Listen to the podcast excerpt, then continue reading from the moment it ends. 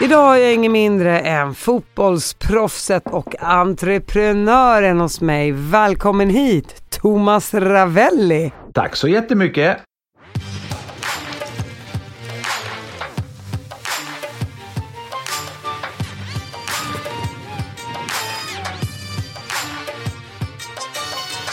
Du Thomas, jag måste säga en sak. Jag är ju född 78, jag vet att du är född 59. Mm. Jag kommer så väl ihåg när du eh, räddade straffen där 94 i San Francisco Ja. mot Rumänien Ja. och vi kommer trea. Ja. I, i, alltså, vi pratar VM här, vi har ju Mm. aldrig kommit så långt i ett världsmästerskap. Ja, det var länge när- sedan. Ja, men vi var ganska nära eh, för ett antal år sedan när vi spelade eh, kvartsfinal i alla fall mot England och fick stryk. Men sen 58 och 74, så att det, det tar lång tid emellan eh, framgångarna. Och, och, och, och, och, jag skulle, det var ju din hand där som, som, Mm. som tog oss till, eh, till en tredje plats. ja.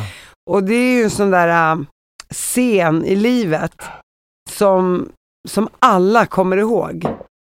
Alltså många i, i, i min ålder och kanske yngre också, de har väl ett minne kring just vad de var och, och, och hur, hur de hade, vilken känsla de hade när detta inträffade, den här straffräddningen mot Rumänien då. Och det är jag ju jättetacksam för. Jag får vara en liten del av en annan människas liv en kort sekund. Så varje gång jag träffar folk så har de ju ett minne till det här oftast. Så att, eh, och, och glädje och, och, och de tycker att det är roligt och så vidare. Så att, nej, jag är oerhört tacksam för det.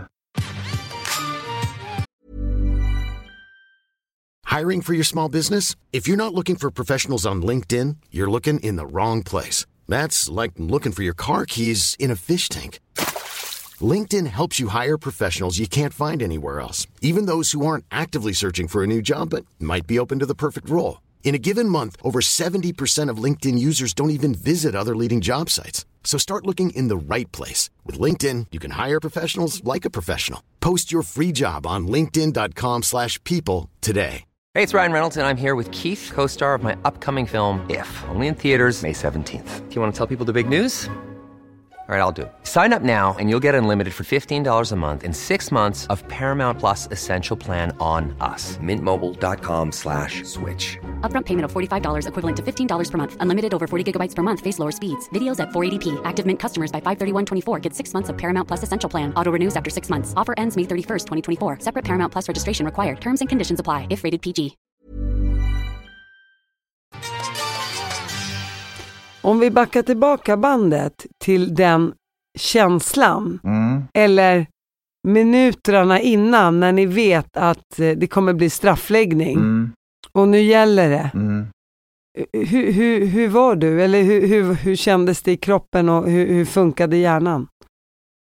Alltså, för det första var det väl så att jag var i otroligt bra slag. Jag var i, i toppform, fulltränad, eh, inte ett gnutta fett på kroppen. Så att jag var ju så bra tränad och jag visste att jag hade kunskapen kring att ta straffar. Jag var, alltså var duktig på det, att, att ta straffar. Och, och det visste jag ju. Så att, och sen kände jag också en känsla av att nu är det min tur. Jag har ju kämpat så länge i landslaget utan att få den här riktiga framgången och tänkte nu är det väl ändå min tur att jag ska få kliva fram som någon slags hjälte. Så att den känslan hade jag innan och jag var oerhört fokuserad in i en så kallad zon som man brukar vara ibland. Ehm, många kanske känner igen sig i golfen eller liknande, att man allting funkar av sig själv. Eh, Så den känslan hade jag före matchen. Jag kommer ihåg Tommy Svensson kom fram till mig och, och, och sa någonting också att nu är det din tur. Eh, Men sen var jag mer, jag var väldigt, väldigt fokuserad. Och eh, det blir straffar. Och vi missar första. Eh, och, och jag är inte ett dugg orolig utan jag känner att det här, det här kommer jag att fixa. Eh, så tar jag en straff och så, då är vi lika och sen är ju killarna fantastiskt duktiga, de som vågar skjuta en straff. Jag hade ju inte vågat göra detta utan eh, då kommer då den sista avgörande straffen och då känner jag, jag vet nästan, eh, jag har en känsla av att han kommer att skjuta bollen på den sidan och jag, jag chansar åt rätt håll och gör en fantastisk räddning. Sen står tiden still. Sen är, sen är livet livet är underbart. Det finns ingen dåtid, det finns ingen framtid utan det är bara här och nu. Eh, det är väl få gånger i ens liv man får den typen av känsla. Eh, jag brukar jämföra det med när man, jag kan ju inte svara på detta egentligen, men när en kvinna föder ett barn, att, att precis när det ploppar ut ur, ur kroppen och, och man får se barnet framför sig, eh, det, det måste nog vara också den typen av känsla där allt, allt bara, det är bara njutning. Alltså jag kan säga den njutningen du gav alla tittare också. Ja, ja. På tal om att allt bara står stilla för att det blev ju sånt jäkla glädjerus. Eh, men, men jag tänker när du liksom inser att du, du tar straffen med vänsterhanden precis vid stolpen, den hade ju lika gärna kunnat gå in. När du känner liksom bollen studsa mot handflatan och bara, när går det upp för dig att... Ja, men det känner jag nog precis när bollen går åt det hållet som jag hade tänkt mig.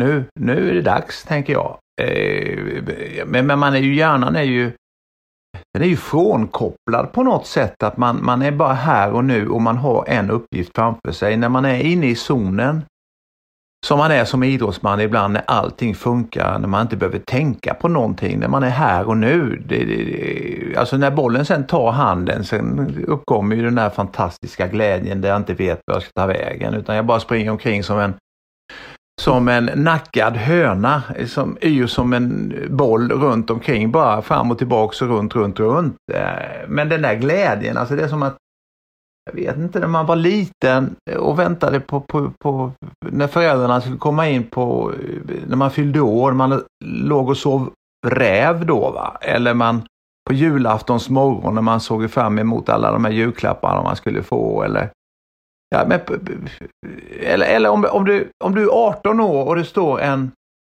en, en eh, svart Ferrari utanför ditt, din, eh, din uppfart som du har fått av dina föräldrar. Det, alltså det är någon otrolig glädje som, som är eh, som bara man kan känna några gånger i sitt liv. Och det gäller ju samma sak för oss tittare så att säga. Ja, jag var ju väldigt älskad då. Alla tyckte väl om mig. Det var ju, ja, allt, allt som jag har gjort och sagt tidigare i min fotbollskarriär, det var ju bortglömt. Att, ja, ja, och, du var ju en hjälte. Ja, jag var ju, alltså före VM var jag ju väldigt nedskriven. Ingen trodde på mig och jag var för gammal och för dålig. Och sen få göra den turneringen tillsammans med mina lagkompisar, det är ju inte många. Det kan ju lika gärna gå åt andra hållet. Det är ju den, alltså idrotten är ju väldigt jobbig i sig, alltså man vet ju aldrig. Vissa, vissa får den här framgången och vissa inte. Så att, eh, jag är jättetacksam för det. Ja, till och med jag då som 15-åring skulle fylla 16 åkte ju till Rålambshovsparken mm. i Stockholm för ja. att ta emot er hjältar så att säga. Mm. Och hela den här du vet sången med vi ska gräva guld ja. i USA, det, det, det, kom ju så lägligt. Nu blev det ju brons men jo. för Sverige är det ju som ett guld så att ja. säga. Eh, att slå ut stora nationer liksom. Mm, mm. Eh, det, är fan, det är fantastiskt. Mm. Jag, jag vill bara säga det.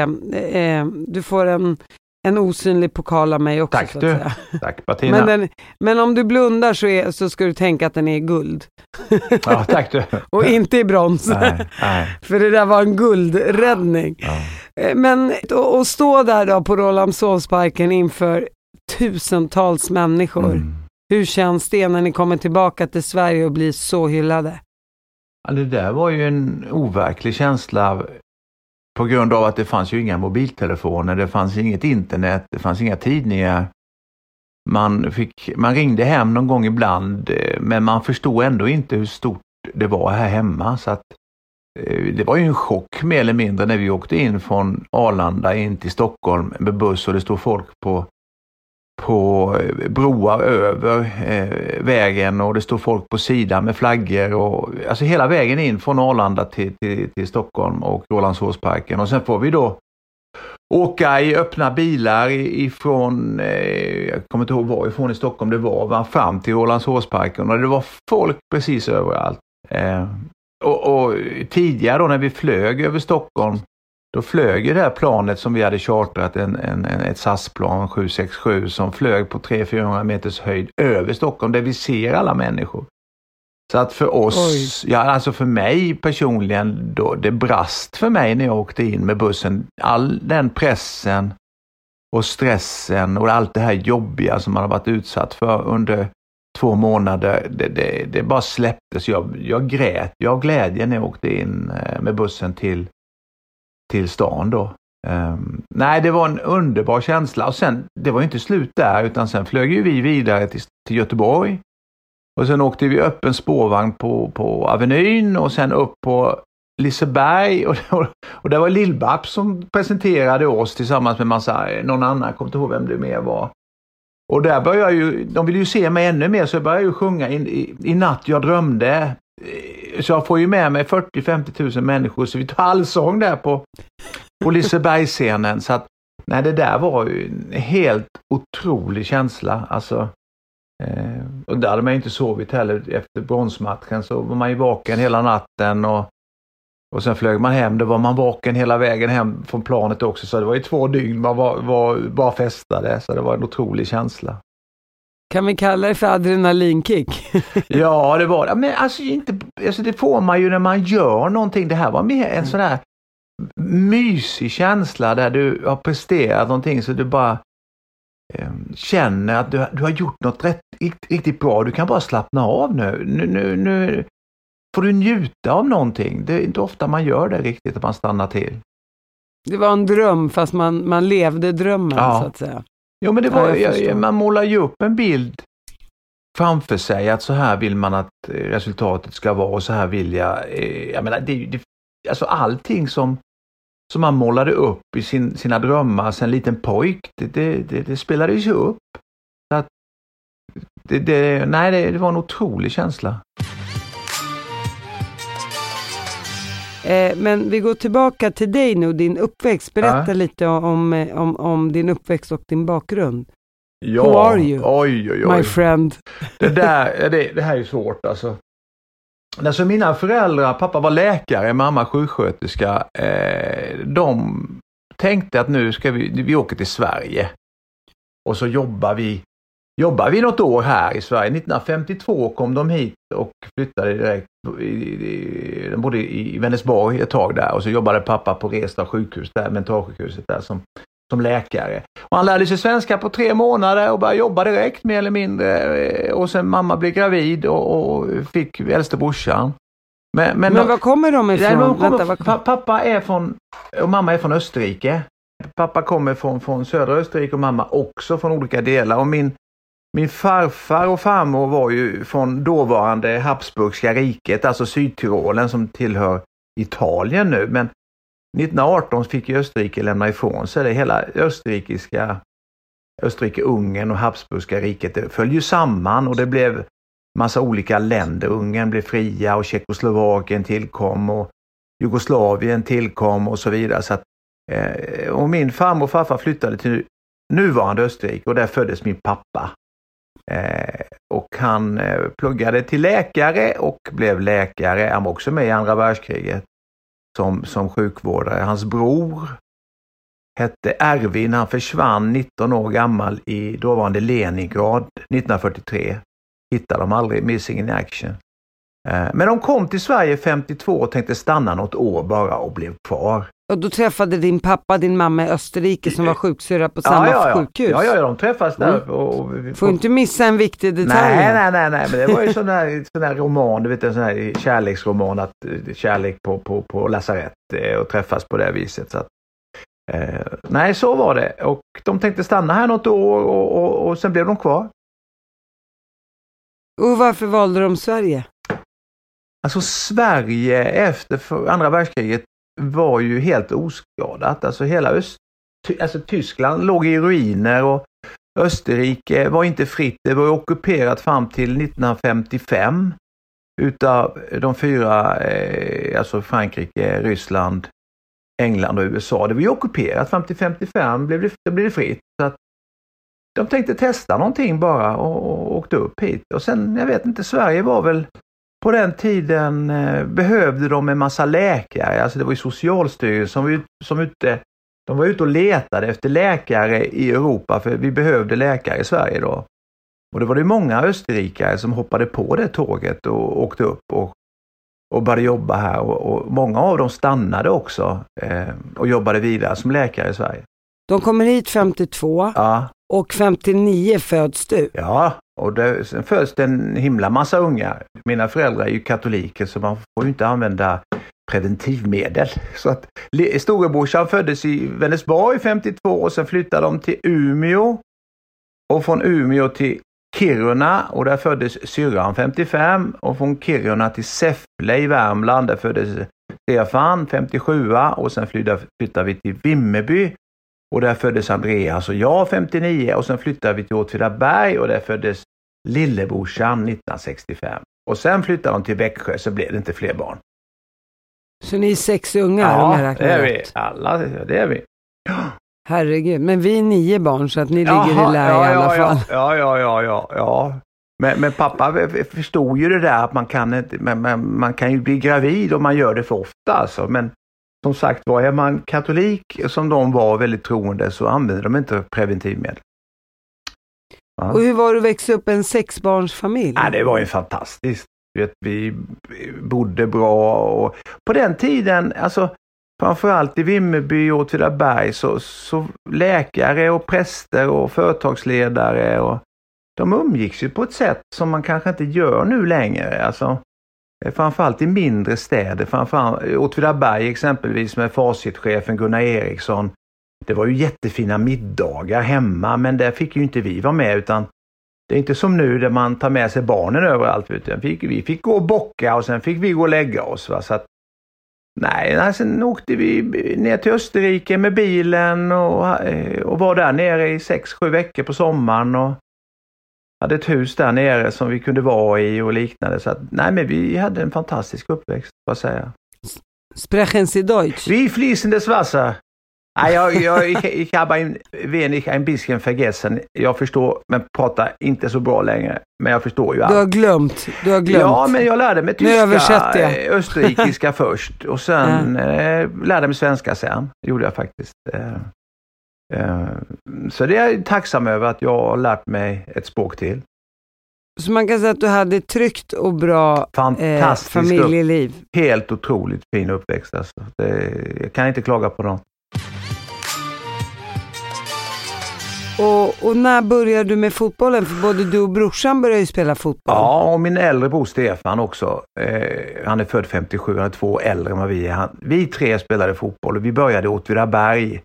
Och pappa, pappa var då lagläkare för Åtvid. I, i, i, i, de spelade i, i Superettan, eller division 1 hette det på den tiden. Så pappa var ju lagläkare så vi följde ju med på alla matcher och träningarna och vi bodde så nära Kopparvallen, fotbollsplanen där i Åtvidaberg. Så att där kom ju intresset att vi alltid var med och tyckte det var otroligt roligt med fotboll och spelade jämt. Och jag hade alltid någon att spela med tack vare min tvillingbror, min äldre bror Stefan. Så där kom fotbollsintresset. Det är pappas fel var det. Det är det här man säger ju att träning ger färdighet. Eh, du stod säkert på planen och stod och sparkade boll flera timmar om dagen. Ja, det är klart vi gjorde. Vi hade, I Åtvidaberg hade vi ju en egen fotbollsplan utanför huset.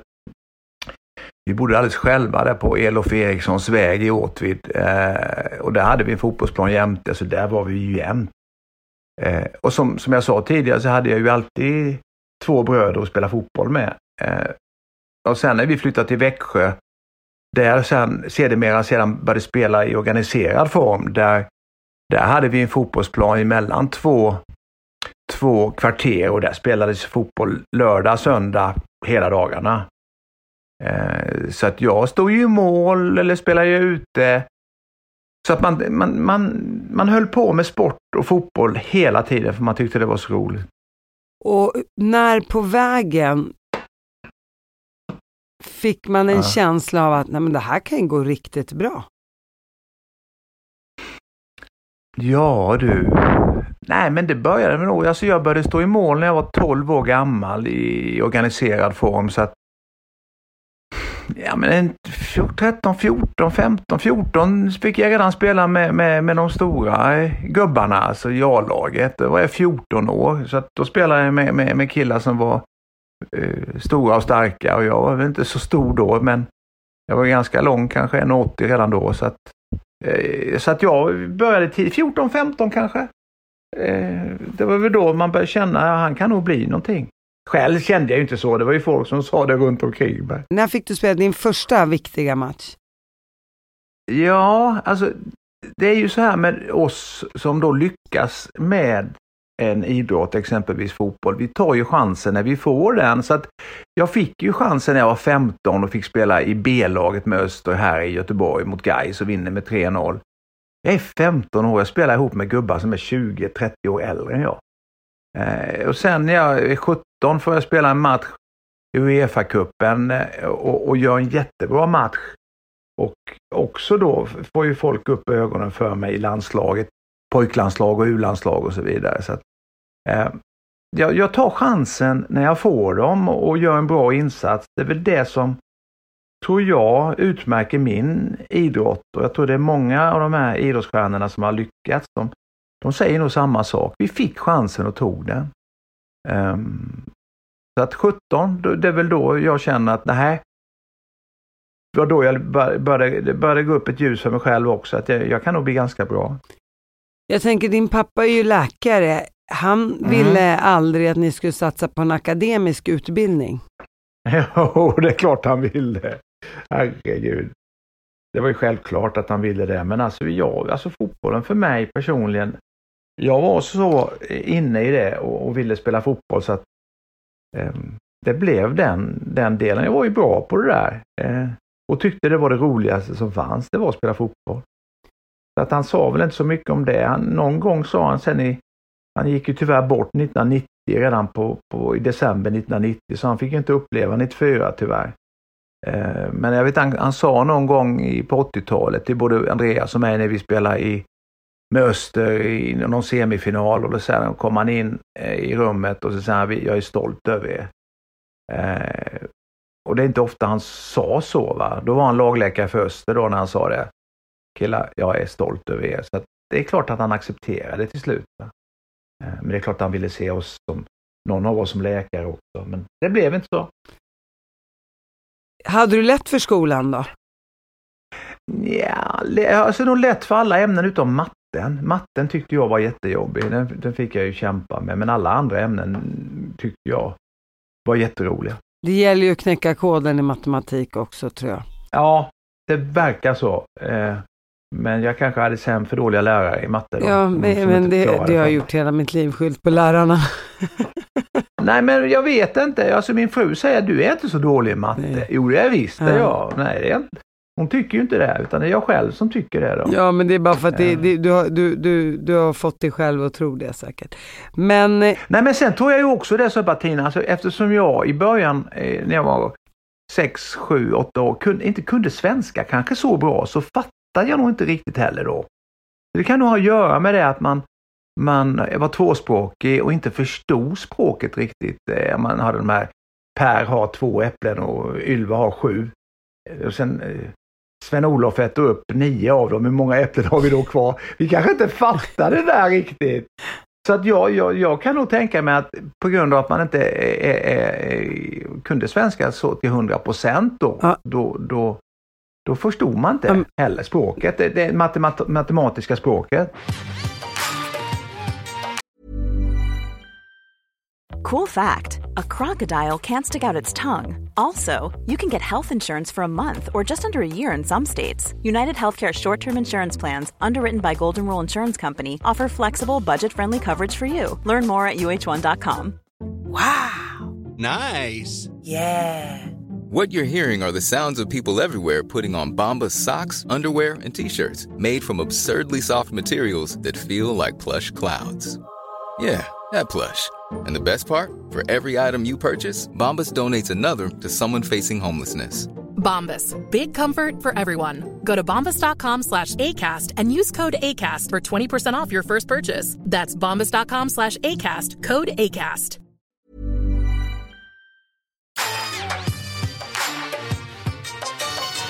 Hur gammal är du när du hamnar i landslaget? Ja du, A-landslaget är jag med, då är jag faktiskt 20 år, det är 1980. Um, men jag får inte spela. Uh, men jag blir, 81 blir jag ordinarie, då får jag, då får jag börja stå uh, i, i landslaget. Oj. Sen stod jag från 80, 81 fram till 97 som ordinarie. Det är många år. Och du säger att under den här tiden så fick du väldigt mycket kritik och att tidningarna eh, skrev ner dig. Ja, men det var nog framförallt före VM 94. Då, eh, då var det som värst. Eh, alla, alla tyckte väl att jag, nej men han var inte tillräckligt bra. Många journalister skrev att han är för gammal och han, han nej han duger inte till och han är för dålig. Eh, det var väl det som, som sades i, i massmedia då. Och då var ju du ändå i Eh, så- 30-årsåldern, så då är man väl rätt... Ja, då var jag 34 Ja. var jag. Eh, 94 var jag 34, jag skulle fylla 35 Ja, men jag tänker innan, v, innan VM så var du ju i 30-årsåldern, 30-32 när de skrev ner dig. Ja, eh, ja jo, jo, Ja. men det var ju framförallt då innan VM, då Okej. var jag 34. Ja. Då, då, då, då, då, det var då det gick igång riktigt ordentligt. Så att då, då var man ju väldigt pressad och försökte verkligen tänka i, i sådana här positiva termer och målade upp målbilder som jag sa tidigare. Allting föll ju på plats och jag gjorde en sån fantastisk insats. Ehm, och sen komma hem som någon slags hjälte. Innan dess var man en antihjälte. Så att, ja, allt var ju helt otroligt. Och sen det bästa av alltihopa, det var ju det beslutet jag tog efter VM.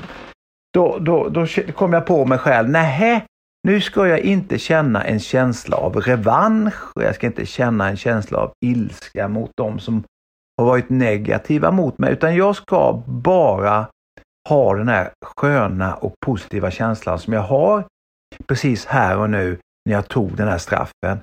För går jag då tillbaks och känner samma känsla som jag gjorde före VM och är arg och ilsken och förbaskad gentemot de här människorna, då förstör ju de alltihopa för mig igen. Så jag gav ju aldrig tillbaks utan jag sa, jag hälsade på folk och massmedia och de här gubbarna och killarna som skrev dåligt om mig eh, och, och var helt normal för de förstod ju själva att de hade gjort fel. Så att jag behövde ju inte påtala det. Så att det var nog det bästa beslutet jag tog och den här revanschlystnaden och känslan av att kunna ge igen när man har gjort någonting bra, den är, tycker jag, felaktig och dålig att få. Ehm, det är mycket, mycket bättre att känna en, en positiv känsla att, att du har lyckats med någonting istället för att ha den här känslan av revanschlystnad och ge tillbaks. Hämnden är inte ljuv, den är inte det, utan det är ha tillbaks den här känslan som du hade när du mådde som bäst istället. Som Michelle Obama sa, when they go low you go high. Ja, nej men absolut. Ja, så hämndlystnad, hä- hämnden är den sämsta, sämsta känslan som, som man kan få. Eller den här, kill them with your kindness. Ja, Har du hört den? Snällhet, Mm. absolut. Det, vet, det tycker jag är så viktigt. Jag försöker vara så snäll jag någonsin kan nu för tiden. Mot alla människor.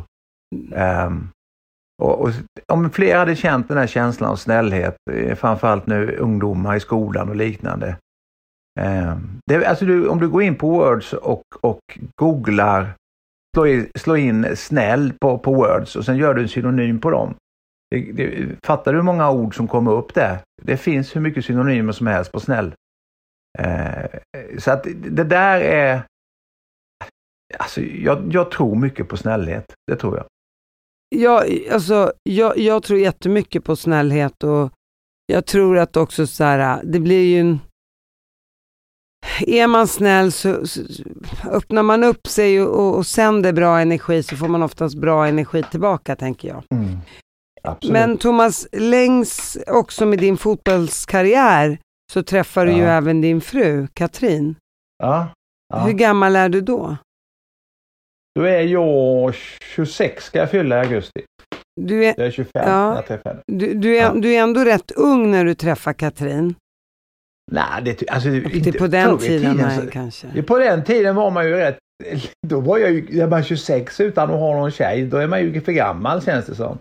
Eh, redan. Eh, på vår tid så, så blev man väl ihop rätt tidigt. Eh, och höll ihop ganska länge också. Så att, Eh, och Katrin är ju 20 då, så att hon är ju sex år yngre än jag. Eh, eller fem och ett halvt blir det väl. Um, nej, då, jag träffade henne 85 då. Och jag tänker ändå så här, tänk då 94, då har ni ändå varit uppe i nio år, ni har redan ja. hunnit få tre, tre barn. Eh, ja. Här blir du firad som en hjälte 94. Ja. Var det massa tjejer som började klänga på dig då? Ja, det kan, inte som jag märkte. Det kändes inte så i alla fall. Jag, jag ju svårt, jag ser inte det där riktigt. Um, men det är väl klart det kanske att det är tjejer som, som tycker det är intressant när en kille har lyckats med något. Självklart, ja. och, det tror jag nog. Och det var aldrig så att du kände där då att du fick lite hybris att vad fasen ska jag leva mitt liv nej. så här eller? Nej, nej, nej, nej, nej. jag har all, alltid blivit nedplockad kan jag säga. Av frugan? Min fru. Ja, ja, ja, ja. Nej, nej, nej. Jag, nej, nej, nej. Jag, det, jag, det, jag gillar Katrin. Nerplockad. Jag ja, det nej, men vi, vi pratar ju aldrig fotboll hemma och inte, hon, hon är helt, alltså sätter jag på fotboll på tv nu så går hon. eh, hon vi tittar på tennis och golf tittar vi på tillsammans och friidrott också när, när Mondo hoppar. Men är det fotboll, då går hon direkt. Det är två minuter så sticker hon. Eh, Eh, så att hon har aldrig varit intresserad av fotboll heller. Så att, eh, nej men vi har nog, alltså hon är stenbock så hon, hon kompletterar mig. Jag är ett lejon som sticker iväg och gapar och skriker och, och ska handla grejer och, och ska synas och hon är det motsatta. Så att eh, vi, vi, jag brukar säga vi, vi komplicerar varandra väldigt bra. Gör vi. Nu sa du komplicerar, inte kompletterar. Ja, det, jag, sa, jag, jag menar det. komplettera, men jag brukar skoja till ja, det. Ja, ja, ja. Man, man, man, man, allt, alla äktenskap så är, de är ju, det är ju komplicerat. Det är det ju. Men, men, men hon är logisk, jag är spontan. Hon, hon är eftertänksam, jag är sådär helt galen ibland. Så att vi, det är väldigt bra att ha de två olika bitarna faktiskt. Då blir det en balans i det hela. Ja, för man tänker att många fotbollskillar idag så ute i världen, liksom, det bara flockas brudar runt om. Det är ju lättare kanske att, du vet, trampa snett ja. när man är så upplyft på en pedestal. Jo, jo, men det gäller nog alla som håller på med musik eller skådespelare eller liknande. Så Sen måste man ju vara snygg också och det kanske inte jag följer de Fram, bitarna. Framgång. Nej, nu, nu jagar du bara komplimanger här. Fiska lite. Vad snäll du är. Ja, ja. Fiska gös i götet. Fiska gös, ja. eh, Men du, eh, eh, Thomas, hur har äktenskapet funkat då, tänker jag då med Katrin? Jag, jag förstår ju att ni är lite som yin och yang eh, och att ni kompletterar varandra, inom parentes komplicerar varandra. Till och med jag gick på den. Men eh, har det aldrig varit så här att Katrin kanske känner, nu kastar jag in handduken, jag orkar inte med den här galna nej, Thomas. Det där har jag, nej, men det där har jag nog aldrig känt. Det är nog mer att, att alltså, klart att det är ju alltid jobbigt med äktenskap och, och kompis, alltså det är likadant om du har kompisar, att man, man, man bråkar ibland och, och är oense och, och framförallt när barnen var små så var det ju jättejobbigt. Eh, tyckte jag nu. Alltså det blir ju bättre och bättre ju längre och tiden har gått. Alltså, nu firade vi 35-årig bröllopsdag nu i fredags. Och vi har ju fantastiskt roligt nu. Vi var ute och käkade. Sen gick vi på någon, någon discobar eh, och var på den sen tillsammans med mellandottern och hennes pojkvän. Så att vi, vi har ju jätteroligt nu alltså och spelar golf ihop. Och, så att man växer ihop på något sätt som, som jag tror många som har varit tillsammans så länge känner. Man känner igen sig själv. Men det är klart att det varit otroliga berg och dalbanor, absolut. Och, och vad är det som har fått ert långa äktenskap att överleva alla bråk och så vidare? Vad, vad, skulle du kunna ge för råd till andra människor? Ja, det, det är jätte, alltså alla, alla, alla, alla äktenskap är ju olika men gränar, gräset är ju inte grönare på ett annat ställe det, det, blir ju samma slentrian och, och samma sak som tidigare. Det um, nej men på något vis att man accepterar varandras olikheter och har åsikter att det kanske ska smälla till ibland att man blir oense och förbaskade på varandra, gapar och skriker och sen den där känslan efteråt att man blir vänner igen, den är, den är så stark den också så att Jag tror mycket på, på att man kanske ska vara lite olika, kunna utvecklas tillsammans. Eh, i, i, kanske inte i olika riktningar utan en, en, riktning tillsammans även om man är, man är olik varandra som, som jag och min fru är då. Eh, men framförallt så tror jag på snällhet, alltså på förlåtelse och hela den här biten. Den tror jag på. Du har ju också, jag menar vi pratar om din fotbollskarriär, du, du spelar inte så mycket utomlands utan du var ju mest i Sverige. Nej. Du var ju borta i USA ja. något år efter VM-bronset i USA mm. 94. Hur kommer det sig att du inte spelade i andra stora klubbar? Alltså, ett enkelt svar är jag tyckte att det var ganska skönt att spela i, i både i Öster och i Växjö när vi var som bäst och sen i Blåvitt, IFK Göteborg, när vi var som bäst. Då vann vi ju Alltså när jag spelade i Göteborg så vann vi sex SM-guld på 90-talet. Vi spelade i Champions League och, och spelade i kvartsfinal mot Bayern München i Champions League. Så att vi var ju sportsligt sett väldigt, väldigt långt framme. Men den ekonomiska biten var ju annorlunda med eh, utlandet och, och, Sverige. Det var ju mycket, mycket mer betalt utomlands. Men alltså jag, jag, jag tyckte det var rätt skönt att bara spela här och inte ha det här trycket på mig. Och, eh, jag hade ju tryck på mig ändå inuti att eh, många förväntar sig och jag själv förväntar mig att jag ska spela bra fotboll. Men, men, men sen som sagt var så säger, var det ju också på 90-talet att man inte fick ha mer än en, två eller tre utländska spelare i de här proffsklubbarna utomlands. Och det förändrades ju inte förrän eh, 97, 98. Där började det där eh, att man fick byta klubb som man ville också. Innan dess var man ju livegen. Du fick ju inte byta klubb. Om jag spelade i, i Östers IF i Växjö och ville gå till IFK Göteborg och säger till klubben, nu vill jag byta klubb. Nej, det får du inte, säger klubben till mig. Nej, men jag vill ju, nej det får du inte, du är kvar här. Men jag har inget kontrakt, nej men du ska ändå stanna här. Går jag då till IFK Göteborg, då kunde jag bli ett ettårsfall och fick inte spela fotboll på ett år. Så att vi var ju fullkomligt livegna eh, slavar i det laget vi spelade i.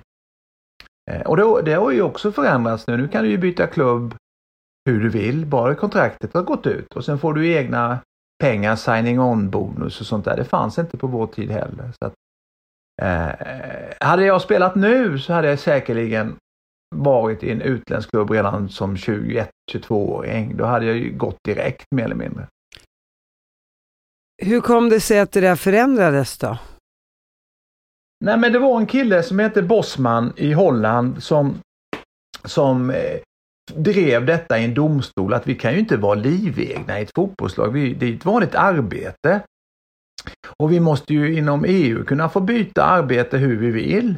Eh, vi kan ju inte bara, om vi har ett kontrakt på två år och kontraktet går ut, då måste jag kunna få ett nytt kontrakt någon annanstans och börja jobba i på något annat företag eller ett annat, en annan, annat lag då i, inom idrotten och fotbollen. Och det gick ju igenom då, om det var 96, 97. Ja, nej, så här kan vi inte ha det. Vi måste ha ett, ett fritt, eh, ett fritt sätt att kunna spela fotboll i vilken klubb vi vill. Så att då, då ändrades det. Tack vare den här Bosman-killen då i Holland. Har du tjänat pengar på din fotboll? Ja, har jag gjort ja, inte så mycket som man kan göra nu. Eh, jag hade säkert haft mycket, mycket mer pengar om jag hade spelat fotboll nu och spelat i ett utländskt lag. Men ja, jag klarar mig. Jag har eh, så det räcker. Det är inte, det är inte så att jag kan köpa ett, en, en, ett penthouse på Mallis för 20 mille. Eh, men jag bor bra här och trivs som jag har det. Jag behöver inte mer. Du kan resa och du kan ha ett bra liv. Ja, ja jag kan köpa, alltså, men jag kan ju gå och köpa vad jag vill. Jag kan gå och käka en middag för 6000 kronor eh, när jag vill. Eller, alltså det, det, lagom mycket pengar. Det är mycket pengar i vanliga mått mätt va? men in, inom idrotten med det jag har hållit på med så skulle jag i, i, i vanliga fall haft mycket mer pengar. Ja, ja, jag förstår. Det är ju såklart, det mm. går inte att jämföra med Zlatan och hela gänget som man Nej, nej snälla. De, nej. de är ju miljardärer för tusan. Det är ju det är otroliga summor. På vår tid, jag säga på 70-talet, eh, när Ralf Edström var lika stor som Zlatan, då tjänade han kanske 500-600 000 om året. Eh, och, och, i dagens penningvärde kanske det är 5 miljoner kanske. Och nu för tiden tjänar ju en vanlig spelare i, i, i, i allsvenskan, eller en vanlig, de bästa spelarna kan tjäna en, två miljoner här i allsvenskan. Så det är en väldigt, väldigt stor skillnad. Jo, men de här utländska spelarna tjänar ju flera hundra miljoner om året, vissa av dem. Ja, men eh, det finns ju vissa som tjänar hundra miljoner i, i månaden. Ja, precis. Eller ännu mer. Ja, ja, det går inte att jämföra. Att, nej, nej, nej. Det, det, det, är en, det är en ny era så att säga. Alla generationer jag menar, det, det behöver inte vara idrott, utan alla generationer säger ju så här, tänk om jag hade varit 20 år yngre eller 30 år yngre och hållit på med det jag gör nu, då hade jag ju haft otroligt mycket pengar. Tänk om den här händelsen med den här straffen hade hänt nu med de här sociala medier som finns och den uppbackningen som finns, då hade det varit en jättehändelse, en ännu, en ännu större händelse än den jag fick uppleva för, för 30 år sedan. Och då tyckte jag att den var jättestor. Ja, det tycker jag också. Ja, det vet jag. när folk fortfarande efter så lång tid eh, talar om den och påminner mig om det. Du spelade ju med killarna, det var Martin Dahlin, det var Thomas Brolin, eh, det var Henke Larsson, hela här, den här ligan som, som också ja. var otroligt eh, framgångsrika. Har du någon mm. relation med dem idag? Och hur var er relation då? Oj, alltså idag träffar jag ju inte dem så ofta. Det är på de här stora eh, vad heter det, eventen på eh, vad heter det, eh, tv-sända galor och liknande. Men, men, Martin Dahlin pratar jag med i telefon ibland. och Kenneth träffar jag på, Pontus Kåmark träffar jag på här i Göteborg. Så att, men på den tiden när vi spelade så, så jag kände mig, jag var nog utanför lite grann. Jag var ju målis och laddade upp som jag själv ville göra och um, åt som jag själv ville göra. Den maten, jag åt inte samma mat som utespelarna. Och, nej, men jag var nog lite egen, hade eget, eget eh, hotellrum också. Bodde inte ihop med någon, det gjorde man ju förr, man låg ju två och två. Um, men jag skötte mig ganska mycket själv, i alla fall under VM gjorde jag. Men, men det är klart att vi hade skoj och umgicks och hade skoj efter matcherna och den här biten. Så att vi var väl på samma plan allihopa. Det var ingen som stack ut på något sätt. Och var det någon som stack ut för mycket så, så var det ju någon som sa till, det här går inte, det får du, får du anpassa dig till resten av gänget. Så att, um, nej, men vi, det var en otroligt bra lagkänsla faktiskt. Eh, och det var ju därför vi nådde den här framgång, framgången som vi gjorde. Tack vare att vi accepterade varandras olikheter och tyckte att, ja men, eh, jag säger ju emot mig lite grann där att vi accepterade, jag tyckte att alla ska vara likadana men, men ändå accepterar vi varandra att vi var lite olika. Eh, men vi fick laget att funka. Och du och Martin då när ni snackar idag, vad, vad är det gamla goda minnen då eller? Eh, nej, det är väl ibland när det står någonting i tidningen och, och då kan man ringa varann och Nej men, nej, men det, det, det är spontant bara sådär snacka lite. Det går, jag pratar med Martin, pratar jätteenkelt att prata med honom. Vi kommer bra överens alltså. Eh, och många av de här andra blåvita spelarna också som var med i landslaget då. Det är klart att träffas man och spela golf eller liknande. Men, men inte i det dagliga livet så träffas vi inte så ofta. Det gör vi inte. Nej, men det måste ju ändå kännas som att när ni ses att ni har just den där stunden, den historiska stunden gemensamt och det är ju bara mm. någonting ni kan känna så att säga. Ja, och sen blir det ju som en, en familj med många barn. Alltså vi, vi tar ju de rollerna som vi hade i landslaget. Lustigkurren, Nallasam. Alltså alla hittar ju sina positioner. Och vem var du då? Nej men jag var, var, väl den som tyckte, alltså framförallt när det inte gällde så mycket.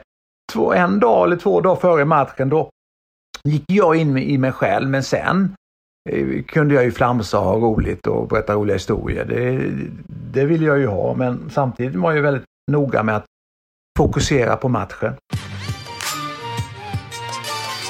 Jag tänker Thomas, du, du har ju haft hjärtproblem nu på senare år. Ja. Vad är det som har hänt? Nej, men då gjorde jag Let's Dance 2019. Och det konstiga är ju egentligen, jag gjorde, jag gjorde Mästarnas Mästare och Superstars gjorde jag innan dess. Och på Mästarnas och Super gjorde man inga undersökningar. kring, eh, kollade hjärtat eller test. Eh, alltså, nej, men man gjorde ingenting utan man gick i stick i stack iväg där och tog ut sig 120 procent på övningarna, men där kollar de inte sig. Men sen gjorde jag Let's Dance 2019 och så gjorde de ett arbets-EKG på mig och då tyckte de att hjärtat, jag var inte ens, jag var jättebra tränare, kände ingenting. Då tyckte de att hjärtat slog lite konstigt när jag klev av cykeln och så gjorde de ett ultraljud på hjärtat och så ser de att jag hade två läckage. Ett från aortaklaffen och ett från mitralisklaffen. Men jag kände ingenting. Eh, och de hjärtfelen är ju lite farliga i sig eftersom man kan gå för länge med dem så att hjärtat skadas. Så att eh, jag hade ju turen att de upptäckte det då. Så då opererade jag mig augusti 21, 2021, ja det är snart två år sedan. Då bytte de aortaklaffen eh, och satte dit en kalvklaff och sen lagade de mitralisklaffen då. Så att eh, nu är jag, ska jag ju vara frisk då. Jag har väl lite läckage kvar men, men eh, det, det, var ju en väldigt stor operation, eller var inne någon vecka. Men det, Henke, Henke Lundqvist hade ju också ett stort hjärtfel eh, som han gick med länge innan han opererade. Ehm, så att eh, jag vet inte om det handlar om, smål, om oss målvakter, att vi vi blev målvakter för vi kanske inte orkade springa så långt för att vi hade hjärtfel. Jag vet inte. Ja, fast nu vill jag ju faktiskt tillägga att du vann både Mästarnas Mästare och Superstars och då tävlar du mot ja. andra elitidrottare så ja, ja, ja, nog fasen är du Nej. grym. Jo, det var jag ju. Och när jag gjorde Superstars, då måste jag redan haft det här hjärtfelet tror jag. Men, men som sagt var, det märks inte för hjärtat akklimatiserar ju sig när det och förändrar sig i, i, och går man för länge så blir väggarna för tjocka och hjärtat blir försvagat. Så att jag hade turen att jag, de såg detta då 2019 eh, och jag fick operera mig då.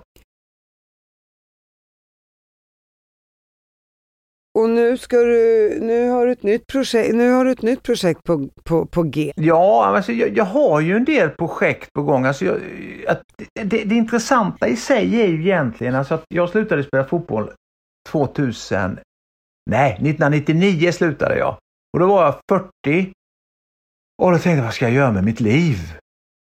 Alltså man blir ju så stressad. Man håller på med en idrott i från jag var 15 så jag var 40. Jag har, inte, jag har jobbat lite grann när jag var eh, tidigare också, men man vet ju inte vad man ska göra. Och då kom jag ju på att jag skulle ut och föreläsa. Jag gick ut och föreläste i, fram tills jag Ja, nu, jag håller på fortfarande och sen har jag startat ett klädmärke ihop med min bror.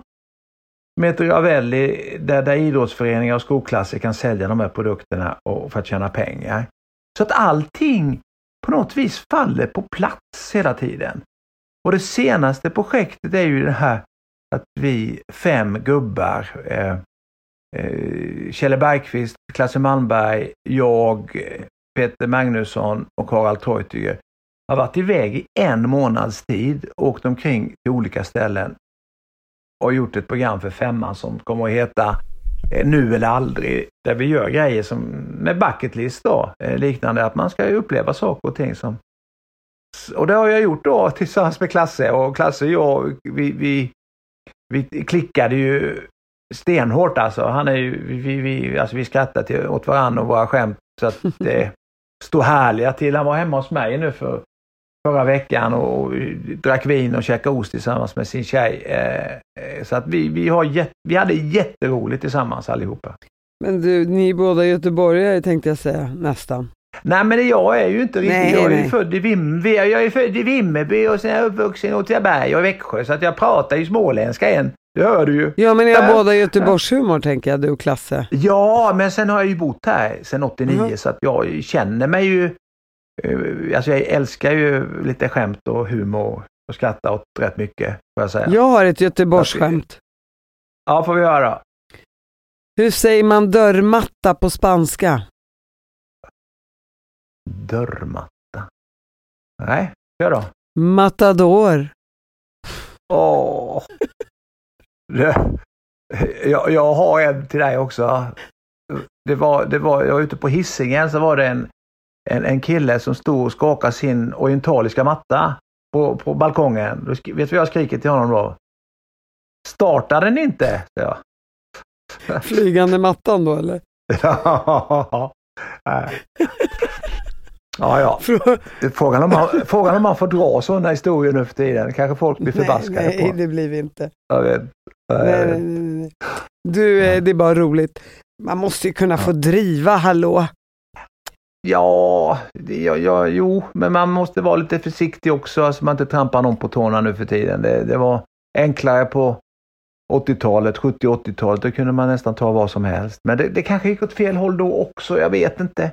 Att man inte tänkte så mycket utan man kanske ja. tryckte ner folk på grund av att man sa saker och ting. Jag, vet men inte. jag tänker om, om tonen är rå men hjärtlig så måste man måste kunna få ha kul, herregud. Jo, jag håller med dig. Jag älskar ju att skratta. Man måste ju kunna och, få och, driva. Jag älskar när folk driver med mig. Jag tycker det är jättekul. Eh, du och de här gubbarna, gjorde du när du säger du gjorde den här bucket list, prata om dina, era bucket mm. list, list, list. Ja. Eh, gjorde du någonting som du kände, wow, jag klarade det?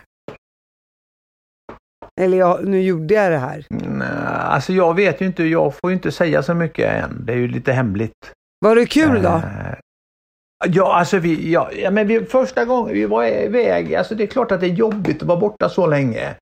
Det var ju det som var mitt stora problem. Ska jag göra detta eller inte? Jag orkar inte vara borta i 30 dagar. Jag har varit det så många gånger under min fotbollskarriär och då kunde jag inte bestämma själv. Nu kunde jag bestämma själv, men sen tänkte jag, ja, alltså det här är ju once in a lifetime att lära känna de här gubbarna. Jag har känt dem tidigare också, va? men inte på det här sättet. Så att det var ju jobbigt i den bemärkelsen att vara borta hemifrån så länge. Men eh, vi hade fantastiskt roligt och jag tycker att beslutet jag tog att jag ställde upp på det här, det, det ångrar jag inte. Jag säga. Var din fru glad att vara av med dig en månad kanske? Ja, nej men alltså hon är en sån som klarar sig själv också. Hon sa att det är klart du ska göra det här. Jag brukar ju rådfråga henne om jag ska göra saker och ting och hon har ju oftast rätt då. Um, ska jag vara med på detta? Ja. Nej, det här tyckte hon absolut. Det är klart du ska göra det här, sa hon. Eh, och Harald då, hur är han att hänga med? Ja, Harald är en, en, en, en eh, vad ska man säga, han, han lugn, behärskad som han var i tv. Eh, ja, man vet var man har honom. Lugn, lugn och fin. Det gillar man med människor. Ett, hetsa inte upp sig för mycket. Jag menar det är ju bra, kan inte ha, alla kan inte vara som Claes och jag, snacka oavbrutet. Pet Peter pratar ju också rätt, rätt, rätt gärna. Eh, så det gäller ju att ha lite andra människor också med som, som vi kompletterar varandra med. Varandra. Du menar komplicera varandra? Ja, det har vi komplicerat. Nu har du lärt dig något nytt nu. Nu har jag lärt mig ja. något riktigt nytt. Och avslutningsvis då, jag tänker på Zlatan och hans karriär. Ja. Vad skulle du ge honom för råd nu när han har lagt fotbollsskorna på hyllan? Oj. Nej, men det är väl att hitta någonting som han tycker är roligt och som han får en kick av. Eh, vad det nu kan vara, det vet jag inte. Och sen känner jag väl också att när han har hållit på så länge som han ändå har gjort, att han verkligen njuter av ledigheten och kunna hitta på vad han själv vill göra. Eh, men jag tror också det viktiga är, ju att man hittar någonting som ger en en utmaning. Eh, han är, är han 42 eller 43 så att han har ju många år kvar innan pension så att det gäller att hitta någonting som man tycker är skoj. Har du träffat honom? Ja, men bara kort på en flygplats där. Sa väl hej till varandra bara, eh, inte mer. Och, och vad, vad, känner du? Jag tänker, man pratar om dig 94. Vad, vad tänker mm. du om mm. honom och hans fotbollskarriär? Zlatan har ju, det, det har varit Sveriges bästa fotbollsspelare genom tiderna med alla de framgångarna han har haft och hur duktig som han har varit. Eh, eh, nej men det är, ju, det är ju en saga. Det är ju komma från de omständigheterna som han har gjort och, och knappt haft någon mat i kylskåpet och lyckas och, och gå fram så långt som han har gjort. Det, det är ju det är en helt fantastisk eh, e-, egenskap och, och en känsla som han har fått andra att känna också att, han, att det, är inte, det är inte omöjligt att lyckas även om man har lite sämre förutsättningar. Tack Thomas för att du ställde upp i podden. Jag är så glad och tacksam för det. Tack själv. Tack själv. Skoj att få vara med. Jag hoppas du också haft en trevlig pratstund med mig. Absolut.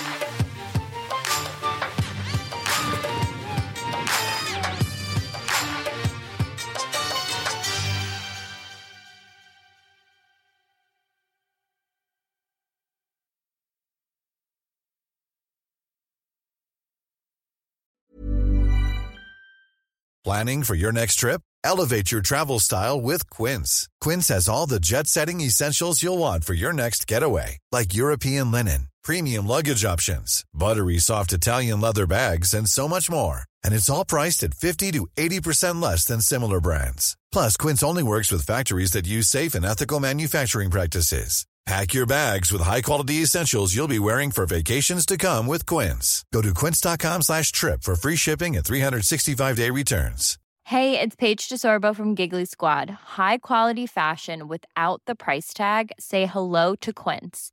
I'm snagging high-end essentials like cozy cashmere sweaters, sleek leather jackets, fine jewelry, and so much more. With Quince being 50 to 80% less than similar brands. And they partner with factories that prioritize safe, ethical, and responsible manufacturing. I love that. Luxury quality within reach. Go to quince.com slash style to get free shipping and 365 day returns on your next order. Quince.com slash style.